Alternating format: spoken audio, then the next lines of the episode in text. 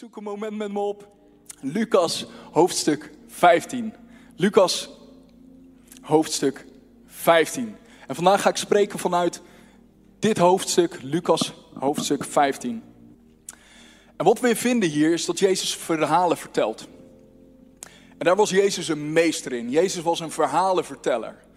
En we zien het niet alleen als verhalen, maar hij vertelde gelijkenissen. En gelijkenissen is, een gelijkenis is eigenlijk een fancy woord voor een fictief verhaal met een boodschap, met een waarheid. En Jezus vertelde hier een aantal verhalen. En op een gegeven moment vertelt hij een, een gelijkenis wat we al eeuwenlang kennen als de gelijkenis van de verloren zoon. De gelijkenis van de verloren zoon. Maar eigenlijk gaat dit verhaal niet over één zoon, maar het gaat over twee zoons. En de kern van dit verhaal gaat eigenlijk over de ongeëvenaarde liefde van de vader. We gaan lezen in Lucas 15, vers 11 straks. En vandaag ga ik vers voor vers ga ik prediken. Een beetje een andere stijl dan ik meestal heb. Maar ik ga eigenlijk het verhaal prediken. En ik noem deze boodschap vandaag keer terug. Keer terug. Dus als je aantekening maakt en je hebt ongeveer 90% van de aantekeningen nodig van deze preek om naar de hemel te gaan. Dus schrijf op keer terug.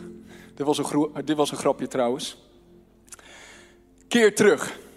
En vandaag zoomen we in op het eerste gedeelte van deze getuigenis. Dus we gaan vandaag kijken naar de jongste zoon. Wat we kennen als de verloren zoon. En vandaag ga ik prediken en over een paar weken spreek ik weer. En dan pikken we het verhaal op waar we vandaag gebleven zijn. En dan ga ik spreken over, over de oudste zoon. Lucas 15, vers 11. Dat is waar het verhaal start. En de Bijbel zegt daar: Een man had twee zonen. En op een dag zei de jongste: Vader, ik wil mijn deel van de erfenis nu al hebben. Kun je het je voorstellen dat je naar je vader zou gaan en dat je zegt: Hé hey pa, ik wil mijn erfenis, mijn deel van de erfenis nu al hebben. Dit is onbeschoft. Dit is beledigend. Dit is respectloos. Maar dit weegde nog veel zwaarder in de oude Joodse cultuur. Want eigenlijk hiermee wenste je je vader dood. En je kwetste je vader op ongekende wijze. De jongste zoon kwetste zijn vader. En de vader had twee zoons. En de oudste zoon, conform de Joodse tradities, had recht op twee derde van de erfenis. En de jongste zoon zou, zou recht hebben op een derde van de erfenis. En zo zou die erfenis verdeeld worden. Een derde van al het land en alle bezittingen die die vader had, zou die, zou die krijgen. En de toehoorders van Jezus, Jezus sprak deze gelijkenis tot een groep van wetgeleerden en zondaren. Ze waren allebei bij elkaar, wetgeleerden en zondaren. En hij sprak dit verhaal. En wat zij verwachten in hun, in hun context, in hun cultuur, is dat deze vader zijn zoon op zijn plek zou zetten. Dat hij hem de waarheid zou vertellen. Want dit was, dit was de vader van het gezin. Dit was, dit was de patriarch. Dit was het moment om zijn gezag te laten gelden en te laten zien wie er de baas is. En zijn zoon terecht te wijzen. Verbaal, desnoods fysiek. Maar dat is hoe dat ging in die tijd. Maar zo ongehoord als het verzoek van de jongste zoon, zo ongehoord is het antwoord van de vader. Dit is wat de Bijbel zegt. De vader verdeelde zijn bezit tussen zijn twee zonen. Hij willigde het verzoek van de jongste zoon in. Dit is ongehoord. Dit is gestoord. Dit is waanzinnig. En dit is de liefde van de Vader. Weet je wat de liefde van de Vader is? De liefde van de Vader geeft een vrije keus. Hoor me vandaag, liefde geeft een vrije keus. Dat is een kenmerk van waarachtige liefde. En, en dat is ook de reden dat helemaal aan het begin van de Bijbel, toen God de wereld schiep, in de Hof van Eden, toen plantte hij daar een boom, de boom van kennis van goed en kwaad. En hij stond toe dat daar die slang kroop, Satan, dat hij daar was in de Hof van Eden. Waarom? God liep het risico dat de mens een andere keuze zou maken, omdat hij zoveel van ze hield. Hij was niet op zoek naar een religie en een robot die gewoon deed wat hij opgedragen zou krijgen. Hij schiep mensen naar zijn beeld en zijn gelijkenis, omdat hij een relatie wilde. En dat zien we, dat de vader doet. De vader was nu in één klap minder vermogend, minder welvarend, minder kapitaalkrachtig.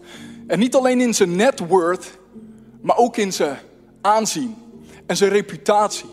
Wat je moet begrijpen is dat land en landgoed was je aanzien. Hoe meer land je had, hoe meer aanzien je had. En opeens verandert alles ook voor de vader. Het, het loopt een deuk op, zijn reputatie. Zijn zoon loopt weg van huis en zijn bezittingen samen met hem. En nu was hij een deel van zichzelf kwijt. In vers 13 zegt de Bijbel: En niet veel dagen daarna maakte de jongste zoon alles te gelden. Hij verkocht al het land, alle bezittingen, alle meubelstukken, al het vee, al die hectare grond.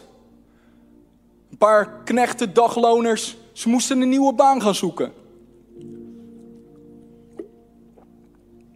En hij reisde weg, zegt de Bijbel, naar een ver land. En verkwiste, verbraste daar zijn vermogen in een losbandig leven. De jongste zoon verlaat het huis van de vader. En let op nu. Als je verlaat, verlies je. Als je verlaat, verlies je.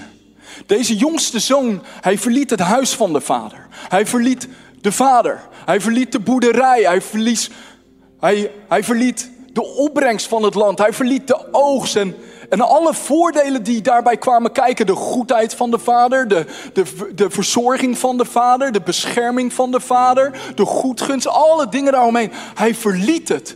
Maar als je kijkt naar het verhaal, dan zie je dat de jongste zoon het verliet zonder te denken dat hij zou kunnen verliezen. En je ziet hem op pad gaan. Hij dacht dat hij de vader en het huis van de vader zou kunnen verlaten zonder te verliezen. En het is dezelfde leugen die Satan miljoenen mensen vertelt nu. Je kan de vader verlaten. Je kan het huis van de vader verlaten. Je kan wel wat compromissen sluiten. Doe wat je wil. Doe wat goed voelt. Leef voor jezelf. Je moet toch gelukkig zijn? En hier zien we deze jonge man. En hij ging op zoek naar al die dingen. En de Bijbel zegt, hij reisde naar een ver land. Ik probeer me in te denken hoe dat eruit heeft gezien. In mijn beleving, in mijn fantasie reisde hij naar de West Coast vanwege het klimaat. Weet je al, Noord-Amerika, de Westkust. En hij ging ze wonen tussen de sterren van Hollywood. Tussen alle celebrities. En de mensen dachten, wie is die nieuwe jongen? Met dat gigantische mansion en die grote, dat grote zwembad. En hij had zoveel vrienden maakte hij. Elk weekend had hij poolparties en feesten. En hij ging naar de club. You can find me in the club. Bottles full of... Hij dacht, dit is het leven. Dit is geweldig. I'm living the dream. Ik ben een man, moet je mij kijken. Ik heb status, ik heb aanzien, ik heb respect, ik heb geld. Weet je, had een, had een gigantische gigantische auto. Ik denk aan een eh, Cadillac Convertible. Spinning velgen. De auto kon nog bouncen, weet je wel. Ik kom uit de hip-hop tijd van de jaren 90. Hij speelde in alle videoclips van de rappers in zijn tijd. En hij dacht, dit is fantastisch. En je kan verlaten en je kan denken, ik verlies niet, maar vroeg of laat, ik vertel het je. Vroeg of laat zal het principe werken, want als je verlaat, verlies je. En het kan even duren. Het kan even duren. En hij begint te experimenteren met, met drugs. En hij begint te experimenteren met, met drank. En met allemaal, allemaal dingen om de leegte en de vervulling te zoeken voor zijn ziel, voor zijn binnenste. En hij zocht het in seks en allemaal extases. En de pieken waren hoog. Maar de dalen erna waren diep. En de pieken werden steeds minder hoog. Maar de dalen werden steeds dieper. En zoals hij zijn geld begon te verliezen, zo begon hij ook zichzelf te verliezen. Als je verlaat, verlies je. Vers 14. Juist toen hij niets meer over had. Hij was blut, broke, moest alles verkopen. Juist toen werd het land getroffen door een vreselijke hongersnood. Hoor me, zonde kost je meer dan je wilt betalen. Zonde laat je verder gaan dan je wilt. En zonde houdt je langer vast dan je wilt blijven. Ik beloof je, ik verzeker je, het principe zal werken. Als je verlaat, als je het huis van de Vader verlaat, dan verlies je. In vers 15 zegt de Bijbel, het is Jezus nog steeds die dit zegt, die dit zegt. Hij zegt, het zag er heel slecht voor hem uit. Hij wist een baantje te krijgen bij een boer en moest naar het land om op de varkens te passen. Jezus sprak dit als Jood tegen Joodse toehoorders. Varkens waren onrein. Dit was het, het laagste van het laagste.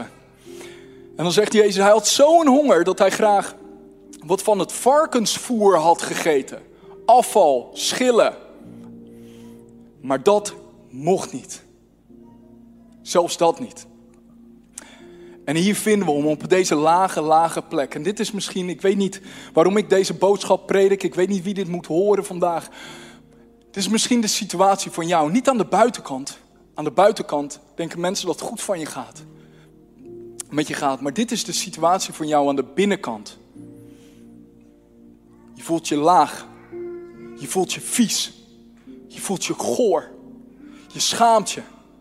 Je bent verdrietig en eenzaam teleurgesteld. Je gaat er doorheen en je denkt, dit is mijn eindstation, dit is waar het eindigt. Maar dan, juist dan, juist op dat moment vindt de ommekeer plaats. En het volgende vers zegt, eindelijk kwam hij tot bezinning. Kun je een moment zeggen, bezinning? Kom op, dat kunnen we beter doen. Bezinning. En hij dacht bij zichzelf, bij mijn vader thuis hebben zelfs de knechts meer dan genoeg te eten. En kijk mij hier nu. Eens zitten. Ik sterf bijna van de honger. En dan begint hij tot zichzelf te spreken. Hij heeft een gesprek met zichzelf en hij zegt: Ik zal opstaan. Ik vind het zo mooi. Ik zal opstaan. Ik zal opstaan en naar mijn vader gaan. En ik zal tegen mijn vader zeggen: Vader, ik heb gezondigd tegen de hemel en tegenover u. En ik ben het niet meer waard uw zoon genoemd te worden. Maak mij als een van uw dagloners. Hij kwam tot zichzelf. Hij kwam tot bezinning, zegt de Bijbel. Bezinning, bekering, inzicht. En dit is het werk van de Heilige Geest. Dit is wat de Heilige Geest doet. De Bijbel zegt dat de Heilige Geest overtuigt van oordeel, van zonde en van gerechtigheid. Jezus zegt dat niemand tot de Vader komt tenzij hij hem trekken. Hoe trekt de Vader mensen? Door de Heilige Geest. Het was toen ik 17 jaar was en ik zat in een periode. Ik wilde eigenlijk de wereld ingaan, maar ik had te veel van God gezien. Dus ik had ook nog een been een been in de kerk, een been bij God. En ik wist niet wat ik moest doen. En ik dacht, ik doe gewoon mijn eigen ding. Maar ik werd tot een punt gedreven dat grijs niet meer kon. Maar ik moest een keuze maken. En ik herinner me die dag door de weekse ochtend dat ik op mijn knieën viel in de woonkamer. In mijn ouderlijk huis. En ik zei, God, ik geef me over aan u nu. En de tranen begonnen te stromen over mijn wangen. Een half uur lang en ik werd overweldigd door de liefde van Jezus. Het is het werk van de Heilige Geest. De Heilige Geest trekt naar de Vader. Hij trekt met liefde. En de Heilige Geest begon tot deze jongste zoon te spreken. En hij zei: Keer terug. Keer terug. Keer terug naar het huis van de Vader. Keer terug.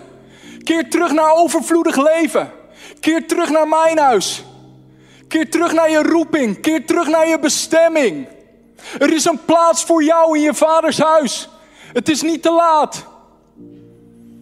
Er is plaats voor jou. Dit is niet het einde. Keer terug, kom terug. Welkom thuis. Als je terugkeert naar wat je verlaten hebt, zul je terugkrijgen wat je verloren hebt.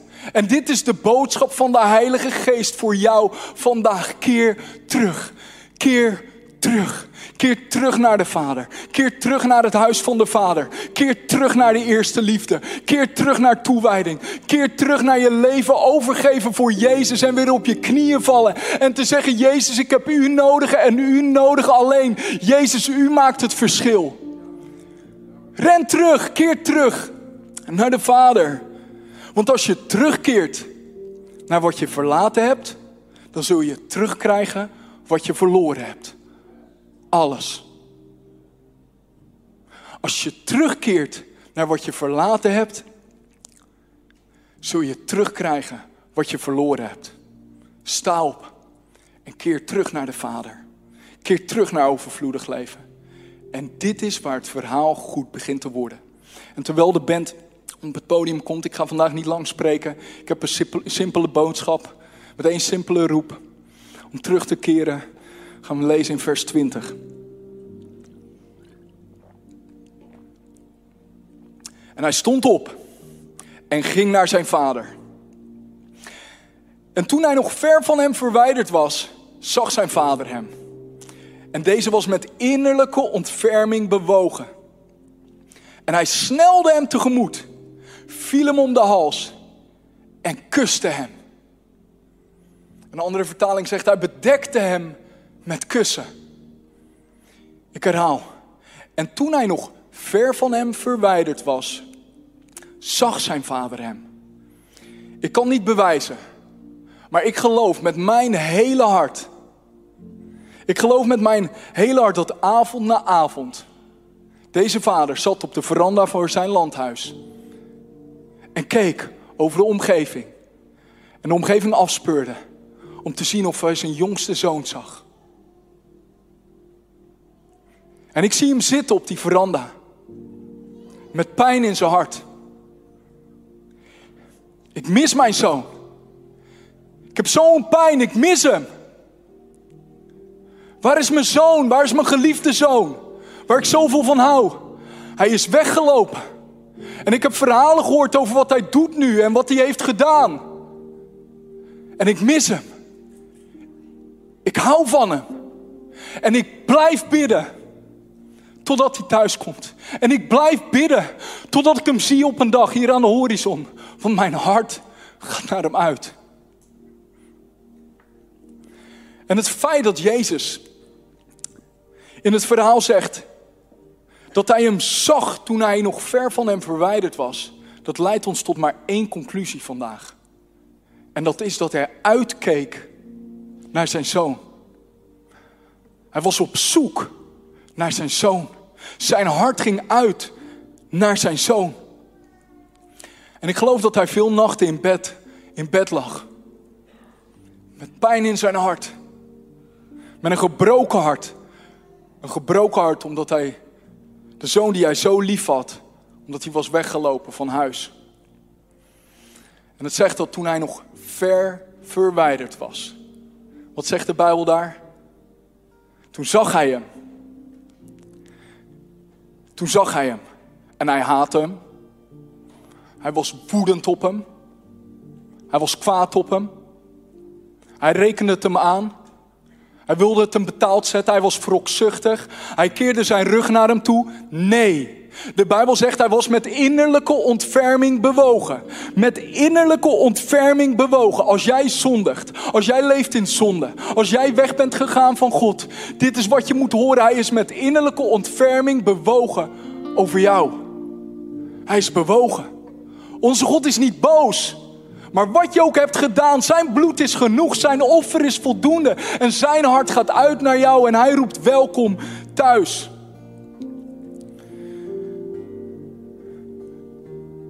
En dan zegt Jezus, en de Vader rende hem tegemoet.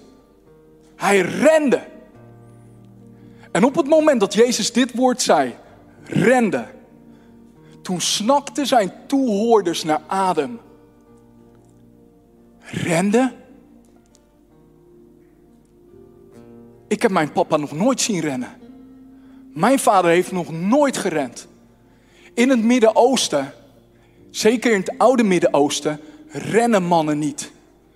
Jongetjes rennen. Jonge jongens rennen. Maar mannen rennen niet. Dat is onwaardig. Laat zien als je aanzien hebt. Laat, zien als je, laat staan als je een man van statuur bent. En deze vader, de Bijbel zegt, hij rende. Hij, hij rende. Zie je het voor je vandaag? En die zoon nog ver, ver weg, die ziet de vader niet eens. Hij strompelt. Hij is moe van het leven. Hij is kapot. Hij is te neergeslagen. Hij is dorstig en hongerig. Hij voelt zich verslagen. Hij weet niet eens of hij het haalt naar de vader. Of hij, of hij daar kan komen. Of het hem lukt. Of hij de kracht kan vinden. Maar de vader ziet hem. En de Bijbel zegt dat de vader rende naar hem toe. De vader trok zijn, zijn jurk omhoog. Zijn benen werden zichtbaar. En hij rende. Hij rende. Hij rende. Dit is, dit is onbeschaafd, dit is onbeheerst, dit is een roekeloze God. Die, die je niet in een hokje, in een vakje kan plaatsen van net christendom. En we gaan naar de kerk en we zien er netjes uit en we doen net alsof het allemaal goed is. Dit is een gepassioneerde God die houdt van mensen. Die houdt van gebroken mensen. Die houdt van verloren mensen. Die niet kijkt naar jou en denkt, oh het maakt me niet uit in welke moeilijkheden je zit. Maar hij is betrokken met jou. Hij is vurig over jou. Want hij houdt van jou. Zijn hart gaat uit naar jou. En hij rent rent de zoon tegemoet en terwijl hij rent, zegt hij: Zoon, ben jij het? Ben jij het, zoon? Ik heb je gemist. Ik hou van je. Ik hou van je. Je bent mijn geliefde kind. Welkom, welkom thuis. Dit is de liefde van de Vader. Dit is wie God is. Dit is jouw redder. Dit is jouw bevrijder. Dit is een redder waar je mag komen zoals je bent. Dit is een goede Vader.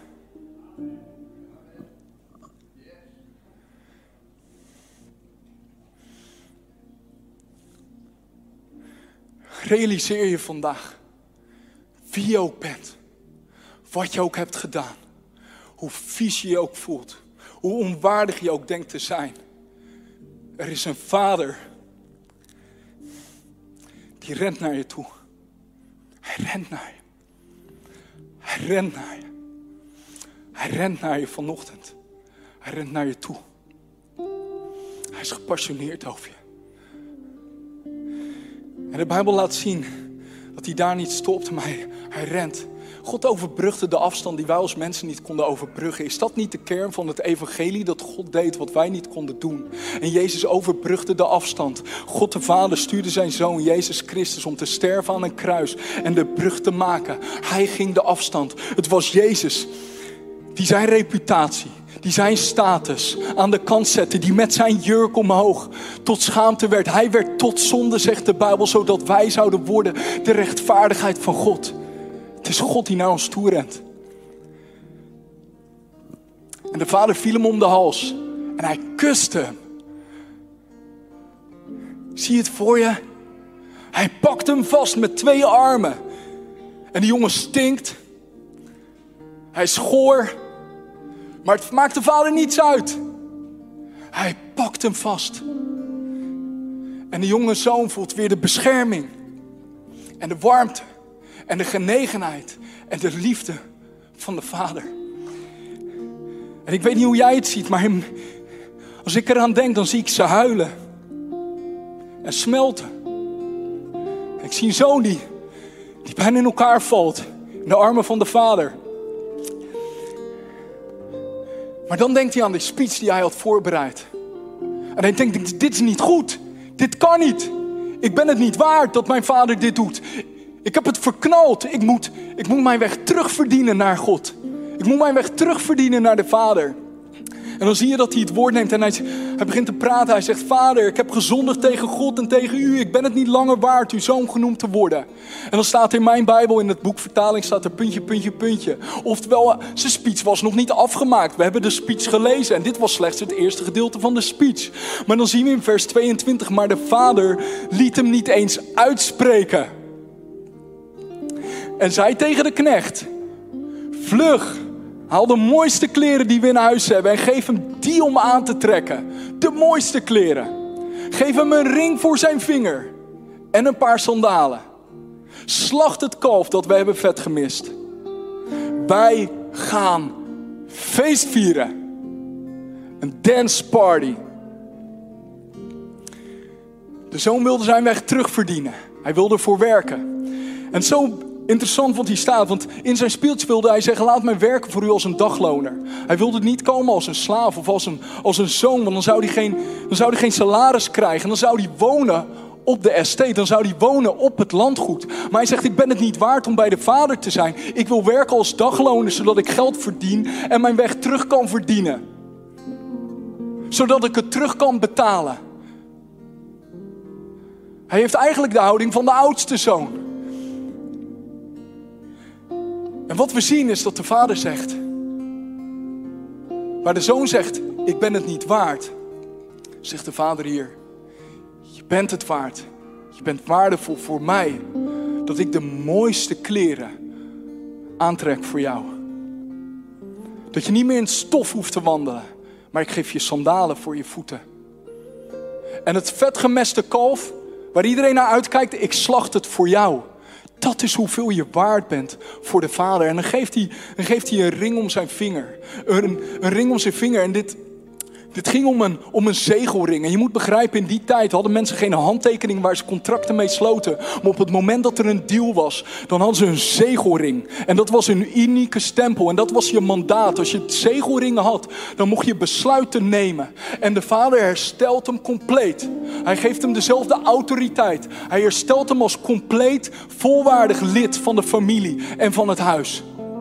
Dat is onze God. Als jij terugkeert naar wat je verlaten hebt, zul je terugkrijgen wat je verloren hebt. En de roep vandaag van God is: keer terug. Kunnen we een moment op onze benen gaan staan, zodat ik kan bidden?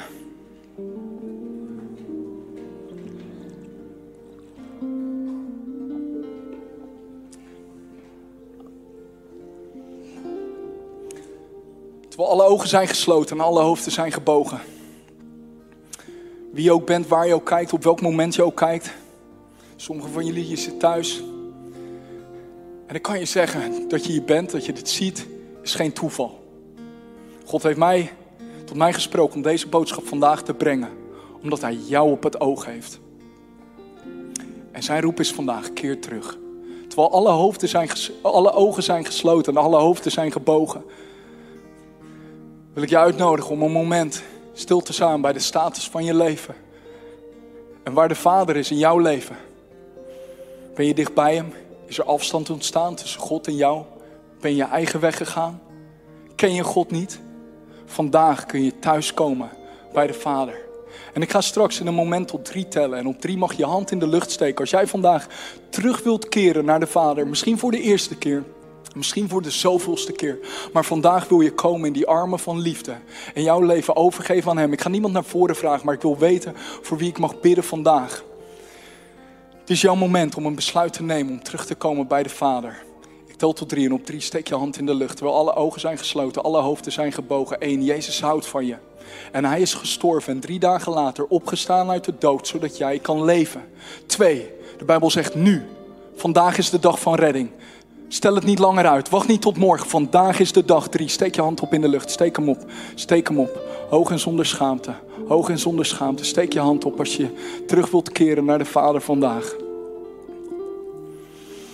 Vader, ik dank u wel dat u harten aanraakt. Ik dank u wel dat u handen ziet. Ik dank u wel dat u een bovennatuurlijk werk doet op dit moment.